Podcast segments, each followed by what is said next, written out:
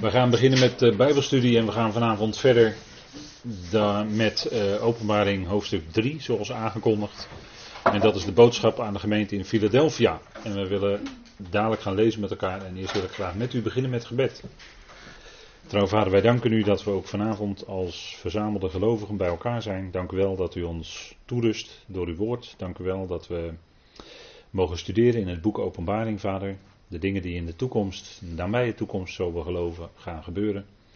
Dank u wel dat u ons daardoor opbouwt, bemoedigt. Als we zien, vader, hoe u uw plannen heeft opgesteld, die in de toekomst ook helemaal letterlijk vervuld zullen worden. Vader, dan vervult het ons met dank dat in dit Bijbelboek uw Zoon, de Heer Jezus Christus, wordt onthuld als degene die de ware profeet, koning en priester is. En deze wereld, te beginnen met uw volk Israël, zal verlossen van de tirannie van de boze. Vader, dank u wel dat wij uit mogen zien naar die momenten en dat wij als gemeenteleden voor deze zware tijden gespaard worden. Vader, dat is niet omdat wij een ontsnappingsclausule bedacht hebben, maar dat is omdat uw woord dat aangeeft. En daar zijn we dankbaar voor, Vader.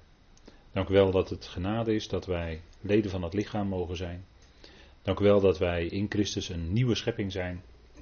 En daarom, Vader, in feite in de geest al ontrokken aan deze oude. En dank u wel dat u ons dan doet wandelen in geloof en niet in wat wij om ons heen waarnemen. Dank u wel, Vader, dat u ons richt op u. Dat wij uw zoon erkennen als hoofd van het lichaam, als hoofd over ons leven. Dank u wel, Vader, dat we mogen zien op u en het verwachten van u. Dank u wel dat u ons zo vanavond wilt leiden door uw geest. Mag het zijn tot opbouw, bovenal, Vader, tot lof en eer en verheerlijking van uw grote naam. We danken u daarvoor in de machtige naam van uw geliefde Zoon. Amen.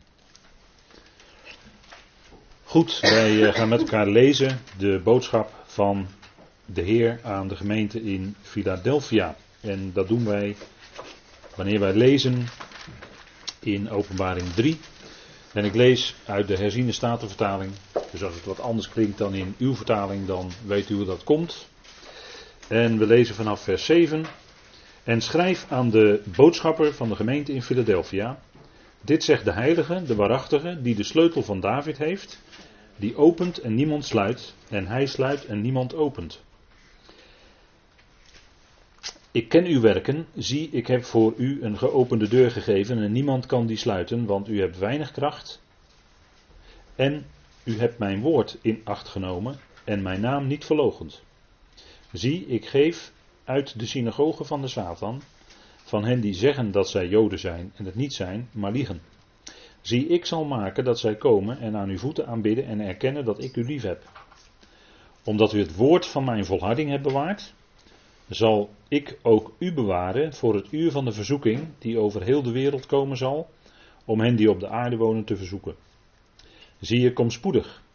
Houd vast wat u hebt, opdat niemand uw kroon zal wegnemen.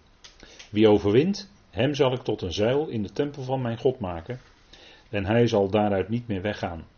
En ik zal de naam van mijn God op hem schrijven, en de naam van de stad van mijn God, het Nieuw Jeruzalem, dat neerdaalt uit de hemel, bij mijn God vandaan en mijn nieuwe naam. Wie oren heeft, laat hij horen wat de geest tegen de gemeenten zegt. Goed, tot zover deze woorden uit Openbaring 3. En we zijn dus bezig met die boodschappen aan die zeven gemeentes. De, vanavond is Philadelphia aan de orde, zoals aangekondigd. En dat komt overeen in ons bekende schema met de dag van Juda's koningen. Stemt overeen met Israël in het land, vanuit de geschiedenis. Philadelphia, de dag van Juda's koningen.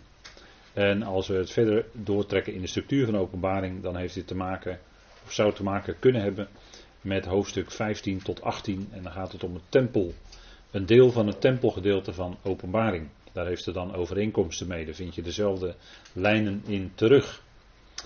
Dus dit even heel snel ter inleiding, omdat we snel naar de tekst willen.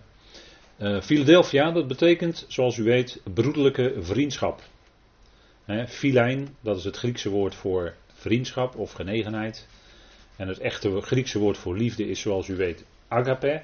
Dat is dus een hogere vorm van liefde zou je kunnen zeggen. En Philadelphia of Philos of Philijn is daarvan afgeleid.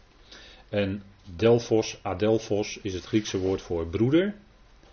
En dat woord Philadelphia komt ook voor in Romeinen 12 vers 10 en 1 Thessalonicense 4 vers 9, waar Paulus daar voor de praktijk op wijst, hè, dat het broederlijke vriendschap onder de gelovigen uh, is en dat die ook verder ontwikkeld wordt. En dat zegt hij eigenlijk in beide teksten. Hè. Hij schrijft daar aan die gemeentes in Rome en in Thessalonica. En daar wijst hij op de broederlijke vriendschap. Maar dat is dus nogmaals een lager niveau van liefde, om het zo maar te zeggen, dan de agape, want dat is de hoge, belangeloze liefde van God.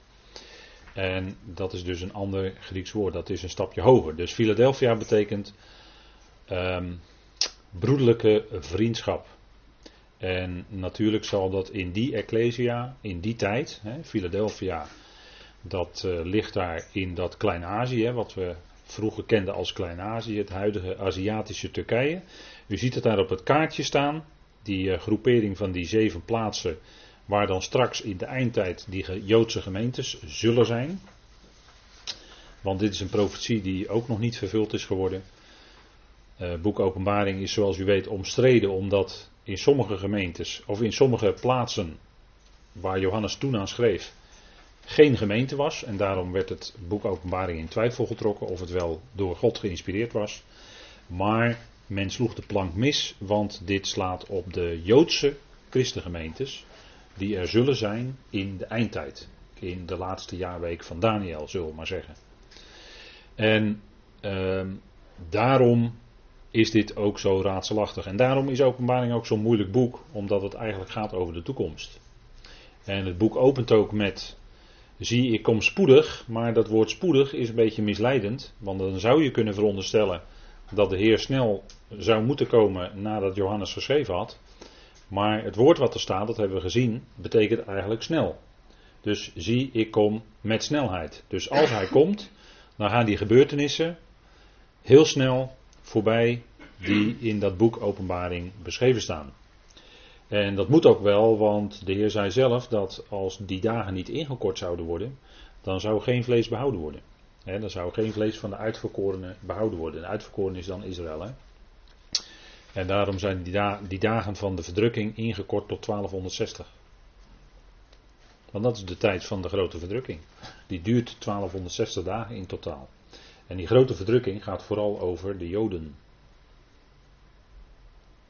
Dat moet u nooit vergeten. Het wordt ook in de Bijbel genoemd de benauwdheid van Jacob. Maar die tekst zullen we nog lezen vanavond uit Jeremia 30, daar wordt het ook genoemd. Maar de grote verdrukking gaat over Israël. En daarna, nadat die grote verdrukking over Israël is geweest, daarna zal nog een verdrukking over de wereld komen, over de volkeren. Waarom? Omdat zij dat Joodse volk hebben verdrukt en gedood. Voor een groot deel.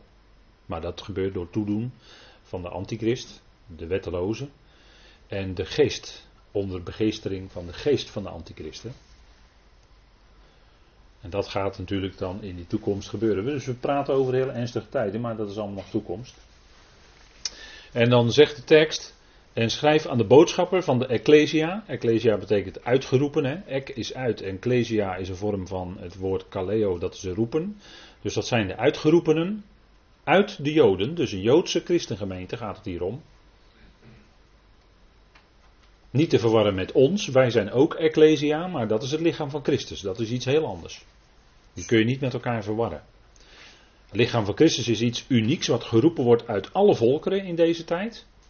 En daarom speelt in deze tijd het vlees eigenlijk ook helemaal geen rol. Want het is een geestelijke zaak, die uitroeping. En in Christus is er dan ook geen enkele onderscheid van het vlees. Dus het is totaal eigenlijk onzinnig om je te laten besnijden. Dat heeft helemaal geen betekenis. En dan zegt u, nou wat zeg je dat nou hard? Maar ik haal nu aan wat in Galaten 6 staat. En niet alleen in Galaten 6, maar het staat op meer plaatsen. Dat besnijdenis niet uitmaakt en onbesnedenheid, maar of men een nieuwe schepping is. Dat maakt uit. Ja, dat maakt uit. Maar dat is een puur geestelijke zaak. En wat ik net noemde, besnijdenis is iets dat aan het vlees gebeurt. Dus dat heeft geen, geen enkele betekenis. Als we straks bij de Bema zijn, dan zal de Heer niet vragen of je besneden was. Of dat je als gelovige hebt laten besnijden. Speelt geen enkele rol. Dat komt bij de Bema niet aan de orde. De leden van het lichaam van Christus zijn geestelijk geroepen, in genade. En dat sluit dus alle werken uit. Dus er valt niks te besnijden. En we hopen de volgende keren bij de gelaten brief nog veel dieper op deze dingen in te gaan, omdat het heel belangrijk is dat u dat weet. Maar goed, wij zijn een roeping uit alle volkeren, maar dat vindt allemaal plaats voorafgaand aan de dingen waarover wij nu spreken. Die dingen waarover wij nu spreken, die zeven gemeentes, nogmaals, dat zijn boodschappen aan de Ecclesia's, die nadat de gemeente is weggehaald, de, het lichaam van Christus bedoel ik dan, die wordt eerst weggeroepen met de bazijn Gods en pas daarna komen deze zeven gemeentes aan de orde. Anders is het niet. En als je toch die lijnen door elkaar wilt gaan halen, dan is de verwarring eindeloos. En dat zien we in het christendom. De verwarring is eindeloos. Men heeft geen enkel zicht op de zaken hoe ze werkelijk zitten. Men raakt hopeloos in verwarring. En je raakt uit de verwarring en je blijft uit de verwarring als je de lijnen aanhoudt die God in de schrift heeft neergelegd. Doe je het niet, ja, dan kom je in verwarring. Dat is de consequentie. Dat is de consequentie.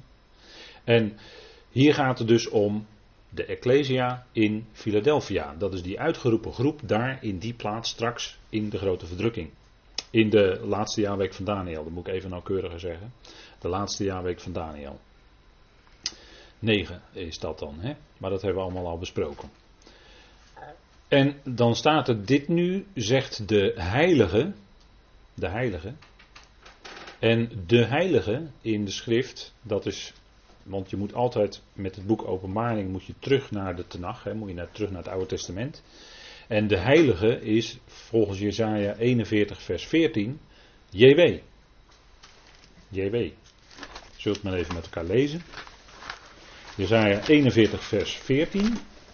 De heilige is JW.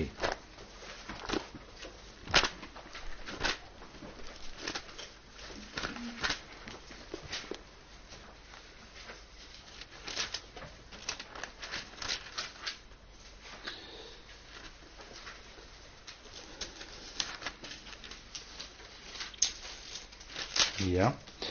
En er staat in Jesaja 41 vers 14. Wees niet bevreemd, wees niet bevreesd Wormtje Jacob, volkje Israël. Ik help u, spreekt de Heer. Uw verlosser is de heilige van Israël. Dus de heilige, dat is JW. Dat staat hier, hè. JW, ik help u, spreekt JW. Uw verlosser is de heilige van Israël. En daar waar JW spreekt, is het de Heer Jezus Christus. En daar waar JW aan de mensen zichtbaar wordt, is het de Heer Jezus Christus op het moment dat hij nog was in de vorm van God. Zegt Filippenzen 2. Hè? Toen was hij nog in de vorm van God. Dus daar waar de schepselen JW zagen in heerlijkheid, is dat de Heer Jezus Christus. In zijn heerlijkheidsgestalte voordat hij mens werd. Dat is het voorbestaan van Christus. Dat is een heel belangrijk punt hoor. Toen was hij in de vorm van God. Er staat dan in het Grieks het woord morphe. Dus hij is dan niet de absolute God zelf, want die is geest, dat kan niet. Maar hij was in de vorm van God, staat er dan ook, zegt Paulus. En dat was het voorbestaan voordat hij mens werd. En toen kwam hij op aarde en toen kwam hij ook in de vorm van een slaaf. Dus hij was niet letterlijk een slaaf, maar hij kwam in de vorm van een slaaf. En hij diende als was hij een slaaf. Zo hè. Kijk, zo moet je die woorden van de schrift naspreken. Doe je het niet, kom je in verwarring. En dit is hè, waar de Heer dan zichtbaar wordt, hè, waar JW zichtbaar en hoorbaar wordt, is het de Heer Jezus Christus. Want hij is het beeld en het woord van God. Dit, dit is de schrift hoor. Anders is het niet. En hij is ook de ware, hè, staat in uh, openbaring 3, want we gaan gauw terug naar openbaring 3. Hij is ook de ware. En dat woord is in het Grieks ook afgeleid van het woord waarheid, aletheia. Dat is in het Hebreeuws het woord uh, emet. En dat hangt samen met het woord emen of emuna. Dat heeft te maken met betrouwbaarheid, trouw, geloof, waarheid. Dat zijn allemaal begrippen die heel dicht tegen elkaar aanliggen in het Hebreeuws. Maar waarheid wil ook zeggen, dat is datgene wat betrouwbaar is, wat vast is. God spreekt waarheid per definitie. En omdat de Heer Jezus Christus het woord is, is Hij ook de waarheid. Hè? Als Hij zegt van zichzelf, ik ben de waarheid, dan is dat natuurlijk een metafoor. Maar dat wil zeggen, Hij belichaamt de waarheid van God. Hij belichaamt het woord van God. Hij maakt het woord van God waar. En de waarheid maakt vrij, hè, zei hij ook bij gelegenheid tegen de Joden. En zij stonden niet in de waarheid hoor. Want zij hadden de diabolos tot vader.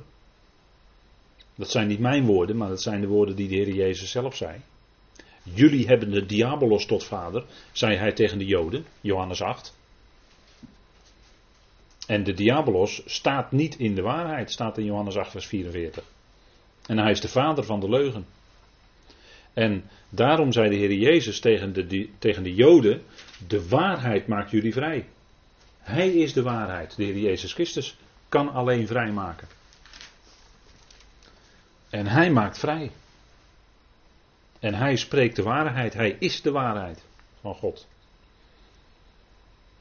dat, is, dat is een absolute zaak hoor. Tegenwoordig mag je dat niet meer zeggen, dat er absolute waarheden zijn. Maar die zijn er wel. Dat is de schrift. Die maakt duidelijk wat de waarheid is. En al het andere is dus leugen. Zo scherp ligt dat wel allemaal hoor. En dat zal al heel scherp, nog veel, veel scherper gaan worden in de eindtijd. En het heilige, kijk dat woord heilig. Ik heb daar even die uh, geweldige menorah, zoals die in de straten van Jeruzalem staat. En die heb ik ook van dichtbij mogen bewonderen. Uh, want dat is echt een prachtig uh, werkstuk van goud dat is, dat is een heilig voorwerp straks in de tempel. En heilig wil niet zeggen dat die menorah zonderloos is, maar dat hij apart gezet is voor de dienst aan God. Dat is heilig. Daarom zijn wij heiligen. Niet omdat we, niet omdat we zonderloos zijn, maar omdat wij apart gezet zijn voor de dienst aan God.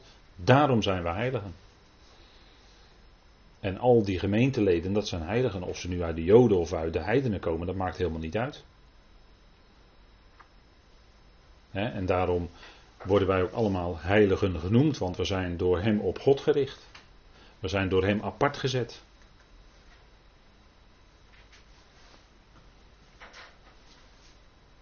Nou, die waarheid die maakt vrij. Hè? Staat allemaal in Johannes 8. Maar dat hebben we onlangs besproken in de Galatenbrief, dus dat laat ik nu even liggen. Dan verwijs ik naar de studie van Galaten. Maar kijk, die waarheid die maakt vrij. En in de eindtijd zal het erop aankomen hoor dan zal het gaan om die waarheid. Want de waarheid zal dan op de aarde geworpen worden. Dat hebben we gelezen in Daniel 8. Weet u nog? De waarheid zal op de aarde geworpen worden. En dan zal God een leugen sturen. Let goed op wat ik zeg. Hè? Dan zal God een leugengeest sturen.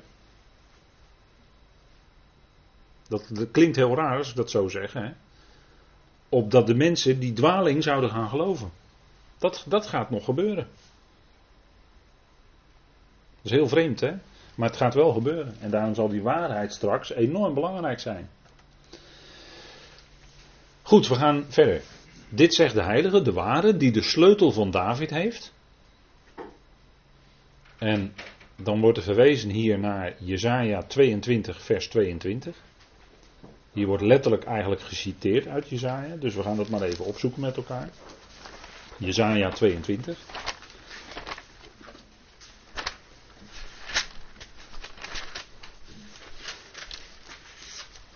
En dan gaat het over de vervanging van Sepna. En Sepna was de grootvizier of de, ja je kan ook zeggen het hoofd van de hofhouding, de hofmaarschalk, hè, met een oud woord.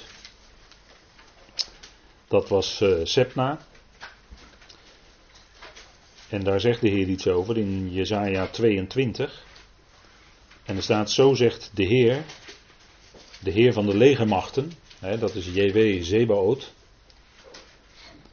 Hè, Adonai JW Zebaot. En die zegt, ga treed binnen, vers 15 van uh, Jesaja 22, bij die hofmaarschalk, bij Sepna, het hoofd van de hofhouding, en zeg, wat hebt u hier, of wie hebt u hier, dat u hier voor uzelf een graf hebt uitgehouden? Dat houdt zich in de hoogte een graf uit en hakt zich in de rots een woning uit.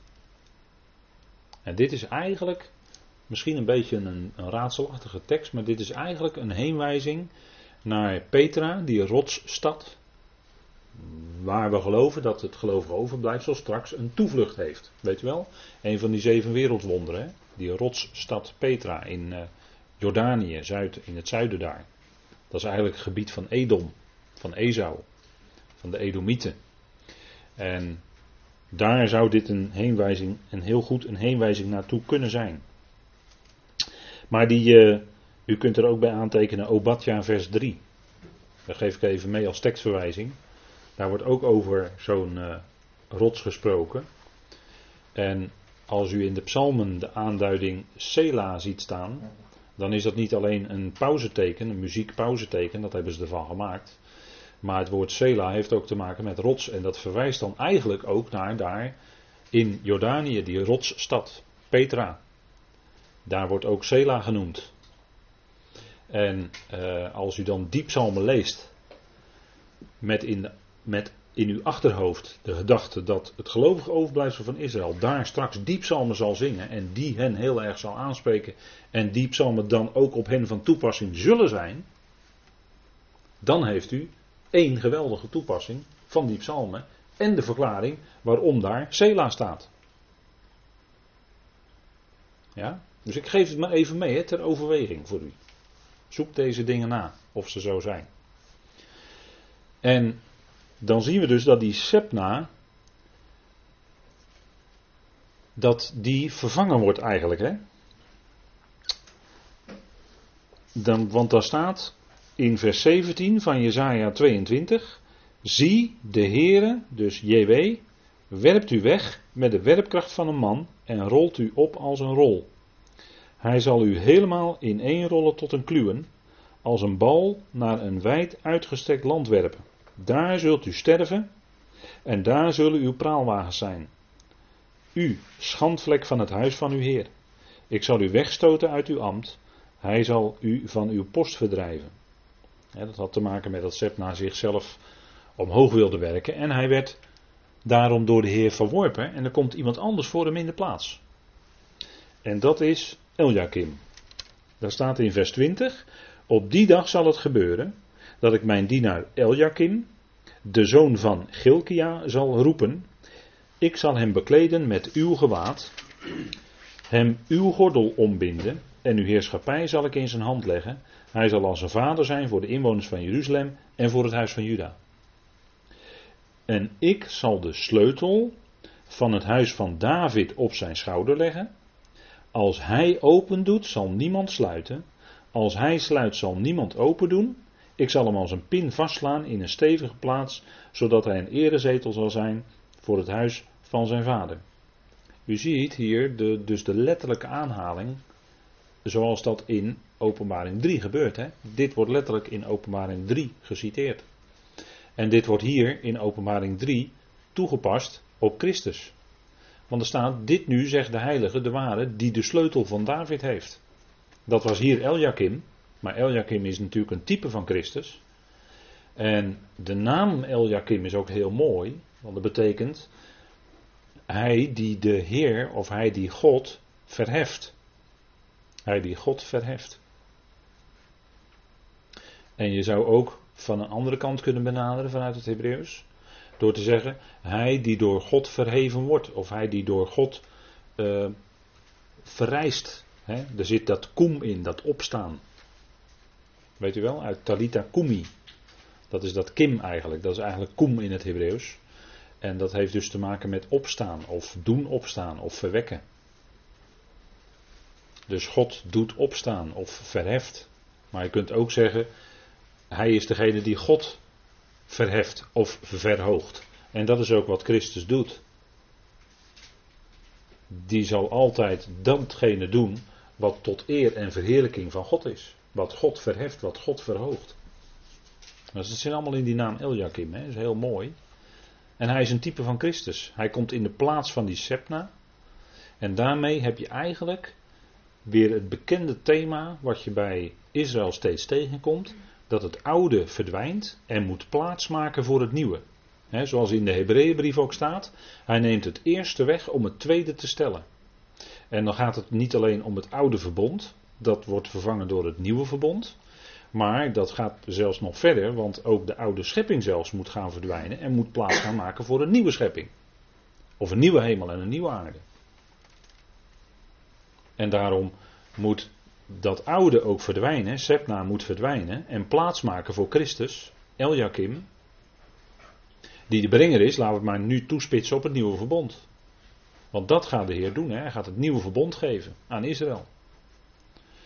En de zoon van Gilkia. En Gilkia, dat uh, heeft te maken met de Heer die uh, versterkt. Zo zou je dat misschien kunnen zeggen. En hij was hofmeester aan het hof van Hiskia. Daarover lezen we later. U kunt later ook nog lezen in Jesaja 36 over deze Eljakim. En die verleende dan toegang tot de koningsburcht en de schatten van de koning. En dat wijst natuurlijk geestelijk naar toegang tot het nieuwe verbond en de geestelijke zegeningen van het nieuwe verbond.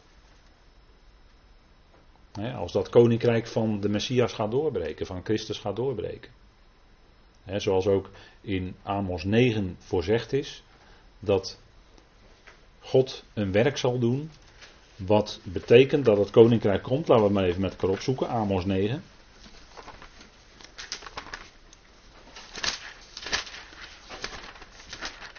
Dat is ook een bekende tekst die door Jacobus geciteerd wordt in Handelingen 15. Staat er ook bij, hè? Handelingen 15, vers 16. Staat erbij op deze dia. Dus u kunt u thuis allemaal op uw gemak nog eens nazoeken. Maar in Amos 9, vers 11, hè? Amos, de boer uit Tekoa, weet u wel. Sterkte van het volk. Amos, mooie naam hoor. Sterkte van het volk betekent dat. En dat verwijst natuurlijk naar de Heer, die de sterkte is van het volk. Van het volk Israël. Amos. En dan staat er: Op die dag zal ik oprichten, het koninkrijk, de vervallen hut van David. En dan gaat het natuurlijk om het koningschap. David gaat natuurlijk om het koningschap. De vervallen hut van David. Maar die zal weer hersteld worden. Dat koninkrijk zal alsnog gaan komen. Is er nu nog niet, maar dat zal gaan komen. wij, wij zijn als gemeente, als lichaam van Christus niet bezig hier het koninkrijk op te richten. Daarom hoeven wij ook niet zoveel te zingen over de koning en het koninkrijk. Dat hoeft niet. Maar we hebben een geestelijke roeping. Wij erkennen hem als hoofd. En dat is hoger. Dat is een hogere een nog hogere waardigheid. maar Amos 9, vers 11, daar staat: Zijn scheuren zal ik dichtmaken. En wat aan hem is afgebroken zal ik oprichten. Ik zal hem opbouwen als in de dagen van de oude tijden af. Dus dat wat tot, tot een puinhoop geworden is, en dat zal het ook zijn na de grote verdrukking. Dan is het land ook een puinhoop, een woestenij. Maar dan zal het ook weer herbouwd worden. Dan zal er ook weer dat herstel komen. En dan zal ook de wederherstelling van alle dingen zijn. Dat is, in, dat is het begin van het koninkrijk. Dat wordt genoemd in Handelingen 3. Hè? De wederherstelling van alle dingen. De apokatastasis is dat. Dat is het herstel van het koninkrijk. Dat is niet de wederzijdse verzoening van het al. Nee, dat staat in Colossense 1. Daar staat in Colossense 1. Kijk, theologen die hebben het altijd over de apokatastasis. Maar daarmee zitten ze ernaast, want het gaat om de apokatalasso. Dat is de wederzijdse verzoening. En de apokatastasis is in Handelingen 3 het herstel van het koninkrijk voor Israël. Dat is daar het wederherstel van alle dingen. Daar heeft Petrus en Johannes het dan over.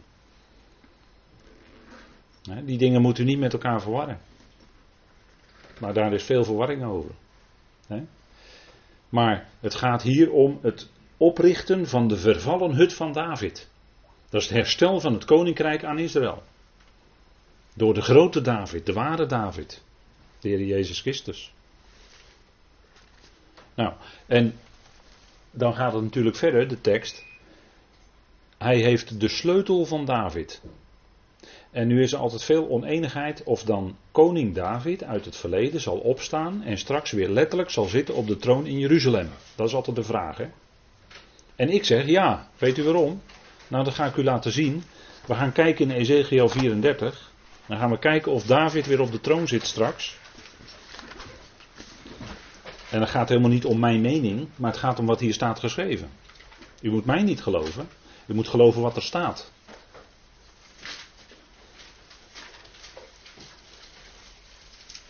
Dus het antwoord op de vraag: zal koning David weer op de troon zitten? gaan wij nu onderzoeken en gaan we kijken wat daarvan geschreven staat in de schrift.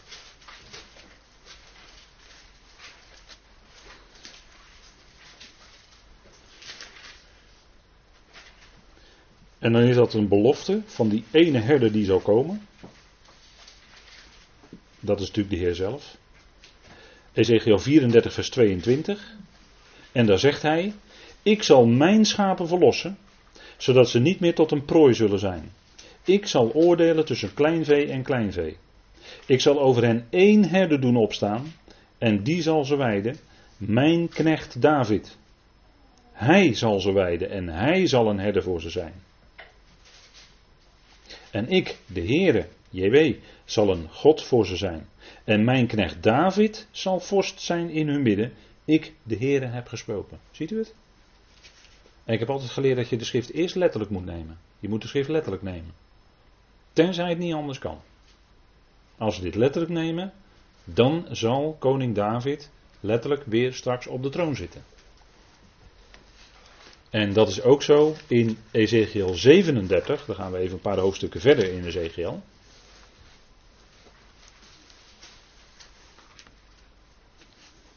En Ezekiel is toch een heel bijzonder boek. Omdat Ezekiel eigenlijk bij de profeet eigenlijk bij uitstek spreekt over de geest, de komst van de geest voor Israël. En de heerlijkheid, de grote heerlijkheid die zal komen in de komende eonen, in het komende koninkrijk. Dus Ezekiel is echt die profeet die dat heel specifiek naar voren brengt. Het werk van de geest voor Israël en uh, het koninkrijk wat komt, de heerlijkheid die daarmee gepaard gaat. Ezekiel 37 en dan lezen wij in uh, vers 24 en 25. En dan begin ik even te lezen in vers uh, eh, 22 voor het verband. Ik zal hen tot één volk maken hij zal ze verzamelen, dat hebben we gelezen ook in Matthäus 24.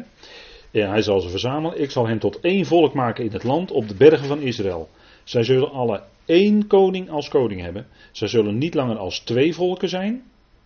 En niet langer nog in twee koninkrijken verdeeld zijn. Dus er komt weer eenheid. De twee en de tien stammen worden weer samengevoegd. Dan zullen zij zich niet meer verontreinigen met hun stinkgoden en met hun afschuwelijke afgoden en met al hun overtredingen. Ik zal hen verlossen in al hun woongebieden waar zij gezondigd hebben. En ik zal hen reinigen. Dan zullen zij een volk voor mij zijn. En ik zal een God voor hen zijn. Dit is het nieuwe verbond hè, met Israël. Dit is het nieuwe verbond. En dan staat er in vers 24. En mijn knecht David zal koning over hen zijn. Mijn knecht David. Voor hen allen zal er één herder zijn. Ze zullen in mijn bepalingen wandelen en mijn verordeningen in acht nemen en die houden. Hoe kunnen ze dat door de geest in hen? Kunnen ze zelf niet, maar dat doet de geest in hen.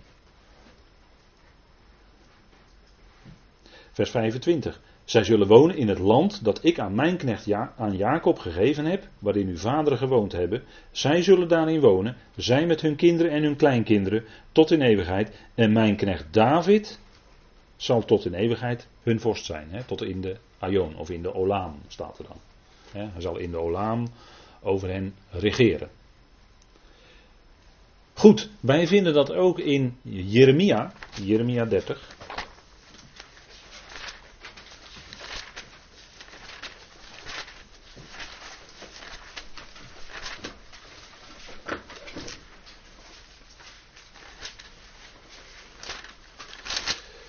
En dan gaat het over de dag des Heren, de dag van JW. En daar hebben we ook uitvoerig al een keer bij stilgestaan. Hè? Daar hebben we ook al een keer een avond aan besteed. Dus ik verwijs terug naar die avond.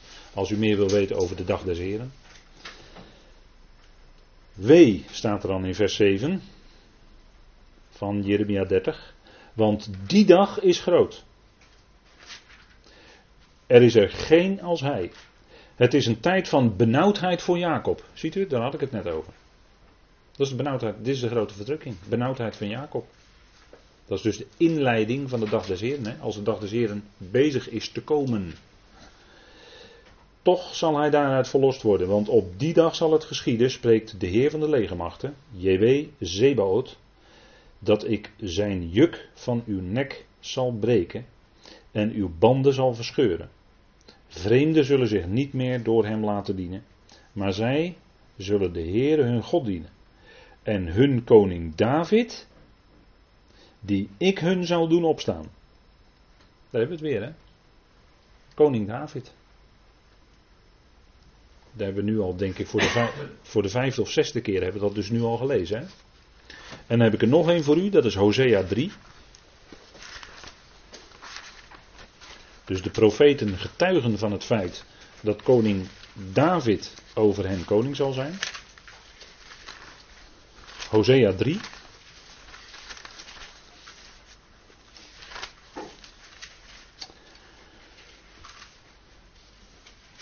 En daar doet Hosea eigenlijk een uitspraak profetisch over het volk, over de komende tijd, ook de tijd overigens waar we nu in leven.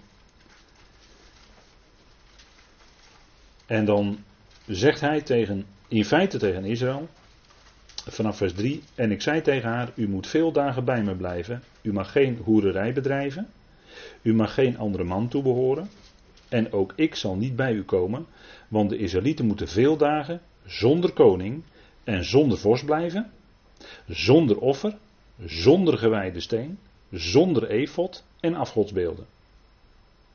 Daarna zullen de Israëlieten zich bekeren en de Heer hun God zoeken en David hun koning.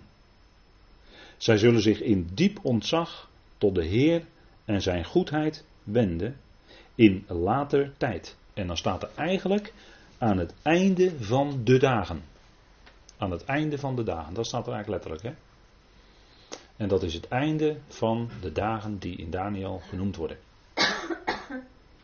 En die vele dagen, die in vers 4 genoemd worden, want de Israëlieten moeten vele dagen blijven zonder al die dingen, want zij hebben nu geen afgoden, zij willen nu alleen volgens, althans orthodoxen, willen volgens de Torah leven enzovoort.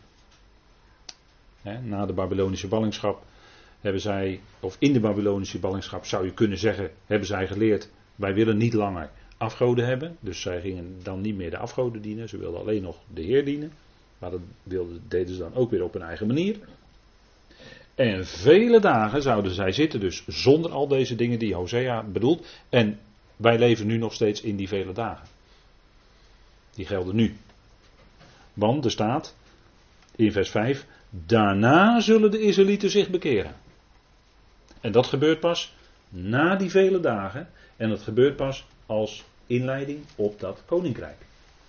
Als de Messias komt, dan zullen zij zich gaan bekeren. Dan zullen zij roepen en dan zal die er ook zijn. Dat hebben we gezien, hè? Daniel 9. Dat gebed in Daniel 9.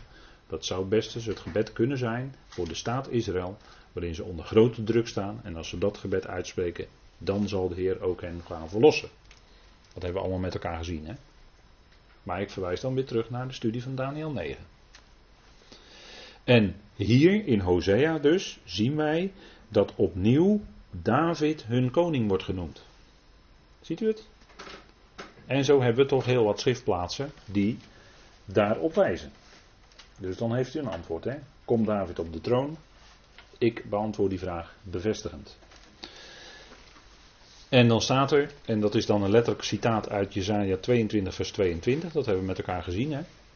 Die opent en niemand zal sluiten, die sluit en niemand opent. Nou, als de Heer sluit, of als de Heer opent, dan is het ook echt open. En als Hij sluit, dan is het ook gesloten. Dan valt er niks meer aan te morrelen. Dan is het gewoon een gedane zaak.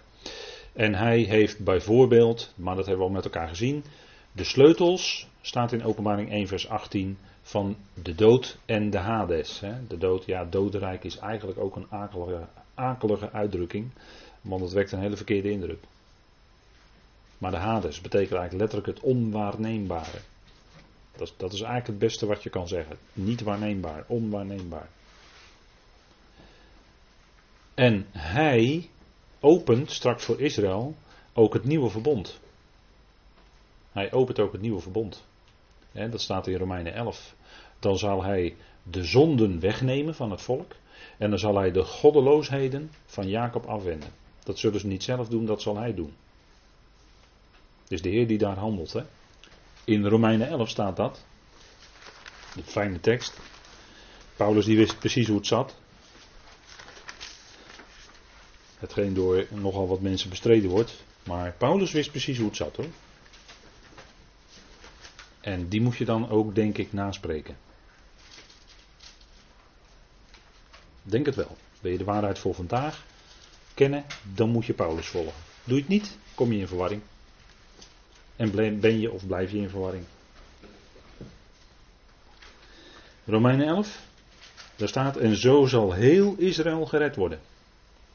Straks, aan het begin van de duizend jaar, zal heel Israël gered worden. Let op, hè. Heel Israël. En ik ga het niet moeilijk maken, ik wil alleen maar zeggen, niet allen die uit Israël zijn, die zijn Israël.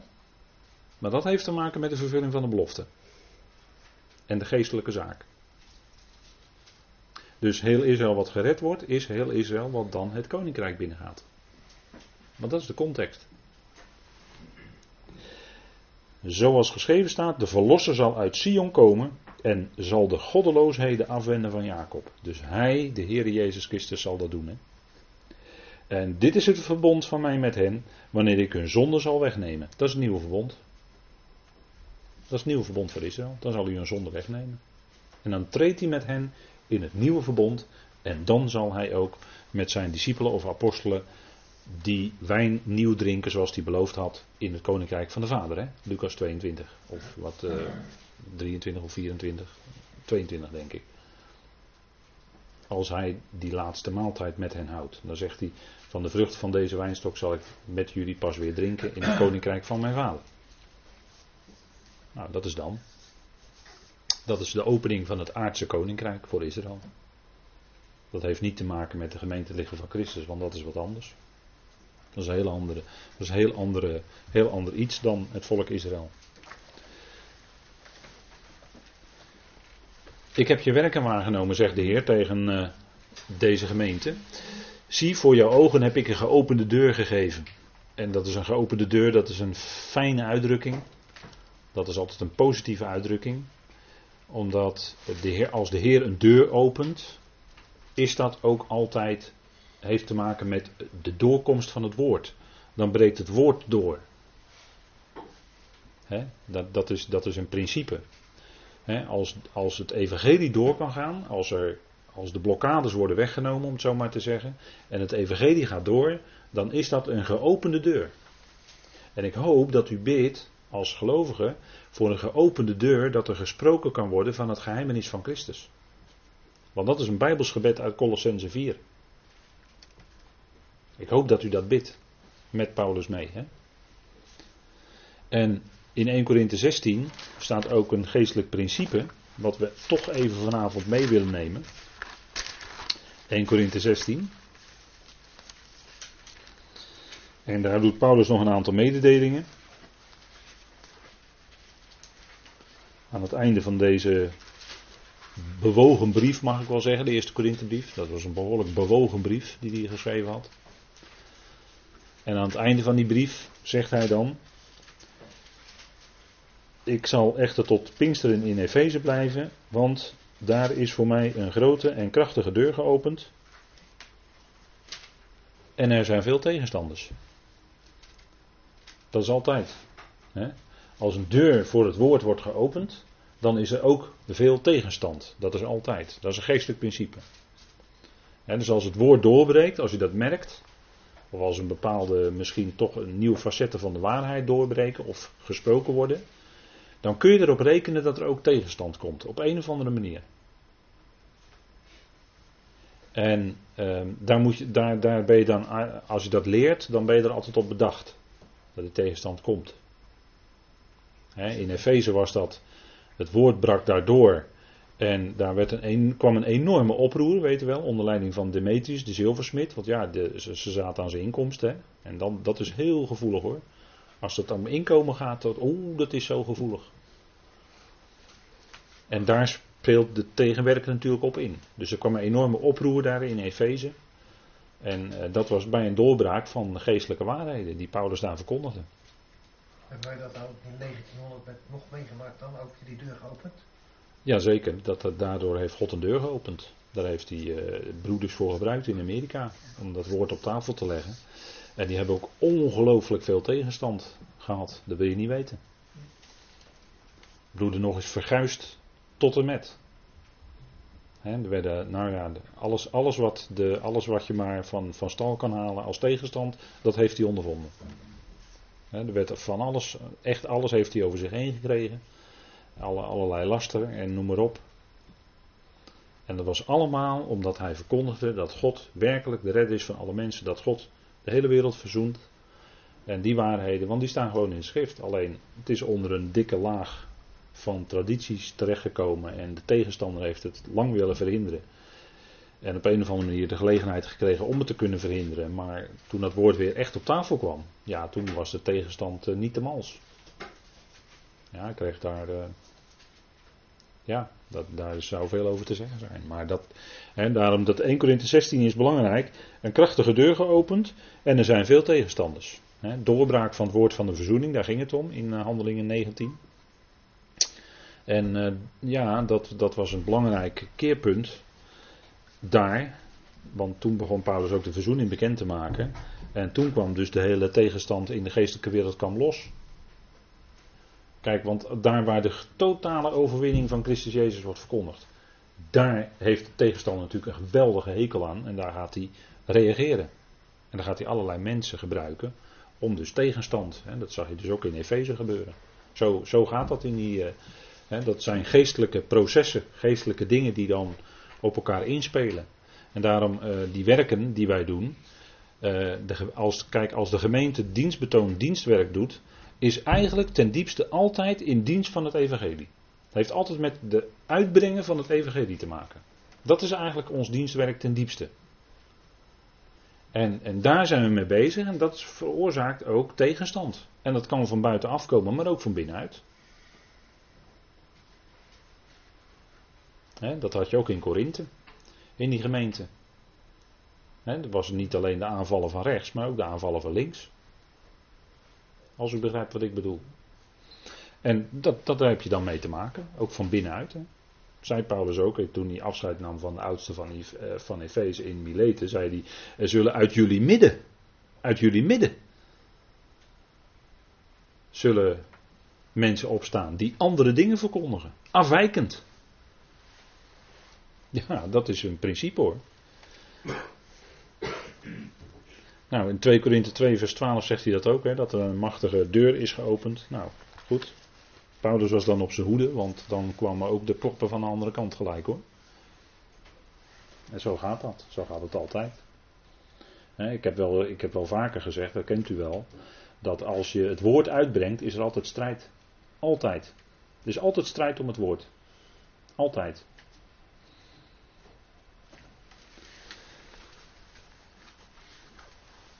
Mogelijkheid tot dienstbetoon. Geopende deur. Ik heb er net al even op gewezen. Hè. Ik hoop dat wij bidden om een geopende deur. Dat er gesproken kan worden van het geheimenis van Christus. Want dat is een fantastisch geheimenis hoor. Alleen helaas voor veel gelovigen een geheimenis nog steeds. Maar als dat geopenbaard wordt. Oh, dat is geweldig hoor. Het geheimenis van Christus. Ik ben daar diep van onder de indruk al vele jaren. Het geheimenis van Christus. Want dat betekent dat Hij, Christus Jezus, dat Hij de totaal machthebber is over heel het universum. Heel het universum. Hè? Hij is de hoogste. Hij is het hoofd van alle overheid en macht. Alsjeblieft. Dat is wat. Hij staat boven al die geestelijke machten. Dat is de tegenwoordige plaats die Christus Jezus inneemt. Dus als we over Christus nadenken, dan zouden we dat moeten bedenken.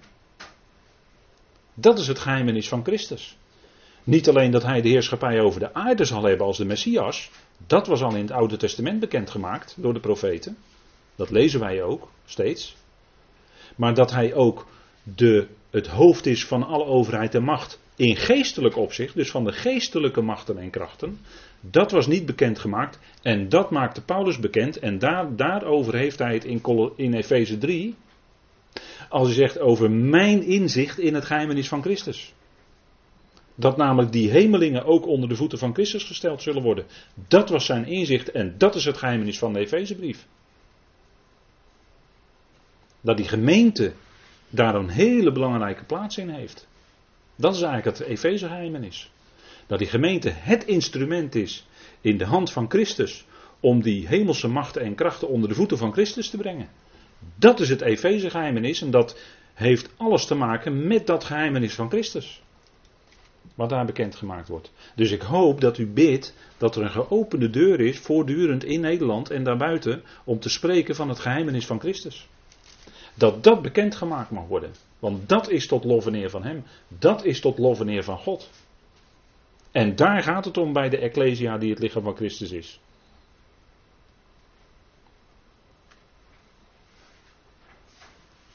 En ik denk dat we dat heel erg goed moeten beseffen als gelovigen zijnde. Want dat is uw plaats als zoon. Dat is uw zoonplaatsing. De zoonplaatsing van Israël is hier op aarde. Maar onze zoonplaatsing is te midden van de hemelingen. En daar hebben wij onze bediening straks.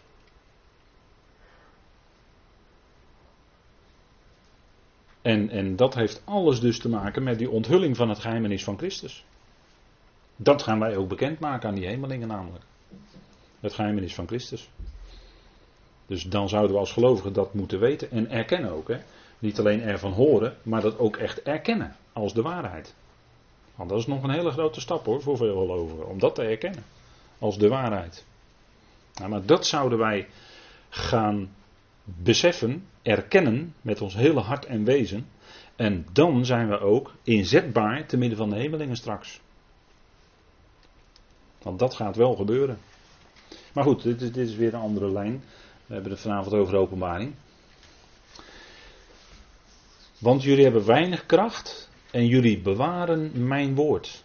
eigenlijk, er staat niet houden, maar er staat eigenlijk het, woord, het Griekse woord tereo, dat betekent bewaren. En dat woord wordt nog alles in het Nieuwe Testament toegepast op het bewaren van het woord. Wij zouden dat woord bewaren. Dat wil zeggen geloven. En geloven houdt veel meer in dan u denkt.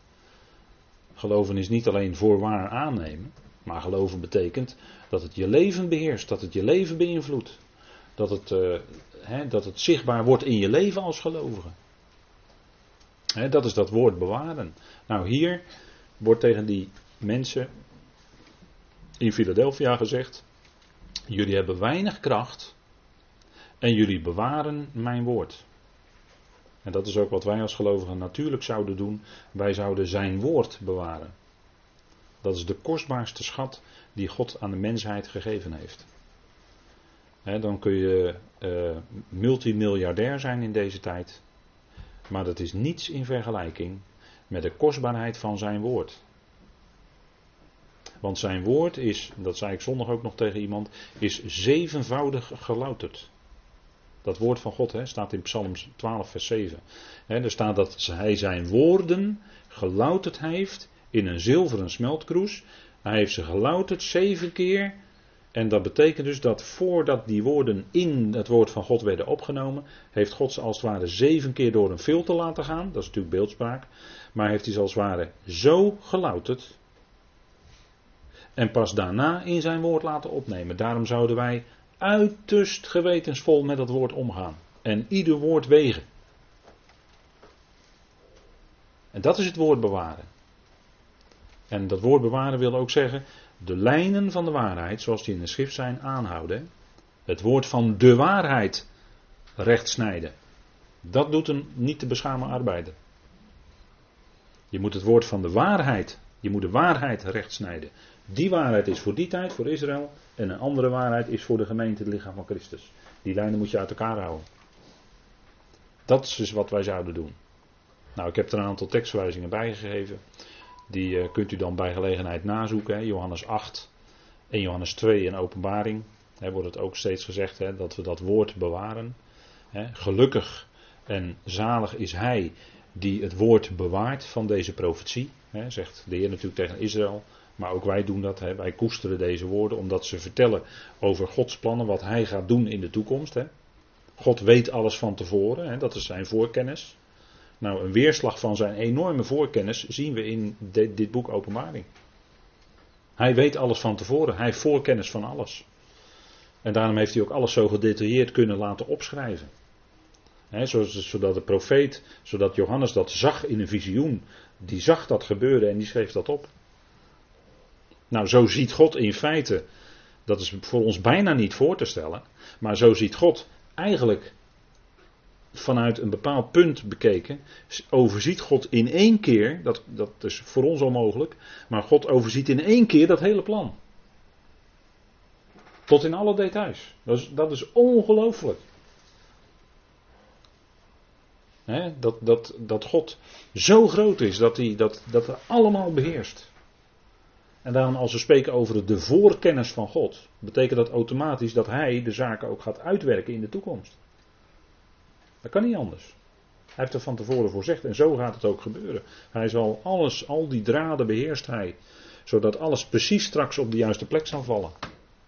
En dat al die spelers, hè, zoals die landen allemaal in het Midden-Oosten nu allemaal ineens weer op die wereldkaart staan. Syrië, Jordanië, Libanon, Israël, Egypte, Irak, Iran enzovoort. Al die Bijbelse landen, die zijn er nu weer. Hoe denkt u dat het tot stand gekomen is? Nou, daar heeft de Heer allerlei instrumenten voor gebruikt, zodat nu die hele wereldkaart er weer zo uit zal zien. En dat hele profetische scenario, om het zo maar te zeggen, kan nu in vervulling gaan. dacht u dat de mens dat zelf bedacht heeft? Dacht u dat? Nou, dan denkt u veel te groot van de mens en veel te klein van uw God. Ik zou het omdraaien. De mens heeft daar helemaal niet zoveel in te vertellen. Want het hart van de koning is, in de hand van de Heer als waterbeken. Als verdelingen van water staat er dan in Spreuken 21. En hij leidt het waarheen hij wil. Dus als hij een koning of een regeerder een bepaalde richting uit wil doen gaan, dan doet hij dat. Dan geeft hij dat in het hart om die kant op te gaan. Dat, dat is wat in spreuken staat. En dat geloven wij toch neem ik aan. Nou, zo groot is God, ja. De grootste regeerder is niets in zijn hand hoor, hij maar dit te doen. En de grootste regeerder van de wereld is er niet meer. Wat dacht u wat? wij kijken erg aan tegen wat mensen doen en worden gebombardeerd elke dag door de media. En de ene dag is het zus en de andere dag is het zo. En dan heb je weer die terreurgroep in het Midden-Oosten, dan weer die terreurgroep. En die speelt dan even een rol en die speelt even een rol. U moet kijken naar de grote lijnen daar. Het gaat niet om dat de ene keer de, de, islamitische jihad en de andere keer heb je de Hezbollah, je hebt nu weer de islamitische staat. Dat zijn allemaal terreurgroepen. Maar u moet kijken naar de grote lijnen. U moet kijken naar die conglomeratie van landen rondom Israël, want dat is, het Bijbelse, dat is het Bijbelse kaart. En dat moet u in de gaten houden. Het gaat om de grote lijnen. Het gaat niet om wat vandaag eh, iemand roept daar in het Midden-Oosten. Dat is niet zo belangrijk. Maar het gaat om de grote lijnen, dat u dat in de gaten houdt en dat volgt. Hè? Nou, dat even voor hoe we kijken naar profetie, hè? met, met uh, de schrift. Hè? Men wil graag de krant naast de Bijbel. Een beetje lastig. Tegenwoordig is misschien internet naast de Bijbel in plaats van de krant. Maar dat is net zo lastig hoor. Hè? We, we zouden volgen die grote lijnen. En God werkt zijn plan op een geweldige manier uit. Nou, wij bewaren zijn woord. En tegelijkertijd hè, wordt er dan gezegd, en jullie verlogenen mijn naam niet. Hè, dat, dat is natuurlijk aan elkaar gekoppeld. Hè. Als je zijn woord bewaart, dan zul je automatisch ook zijn naam niet verlogenen. En dat logenen, dat wil eigenlijk zeggen, hè, dat logenen is eigenlijk terugkomen op een woord dat bevestigd is door een offer. Hè, dat heeft te maken met het woord lam. Hè, vroeger werd een verbond gesloten, dan werden dieren geslacht en doormidden gesneden. Weet je wel, bij Abraham en zo. En dan, en dan gingen er twee, die gingen dan tussen de stukken door. Ja, bij Abraham ging de Heer alleen tussen die stukken door, hè, toen Abraham sliep.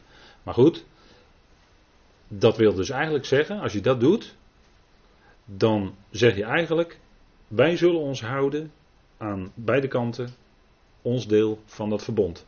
Want dat is bekrachtigd hier door die stukken van die dieren die hier gesneden zijn.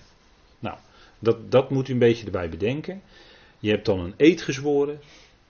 En er is dan een dier bij geslacht. Hè, en er kan bij gelegenheid ook een lam zijn. En als je daar dan op terugkomt. Dan loog je eigenlijk die belofte die jij gegeven hebt. Dan verloog je dat.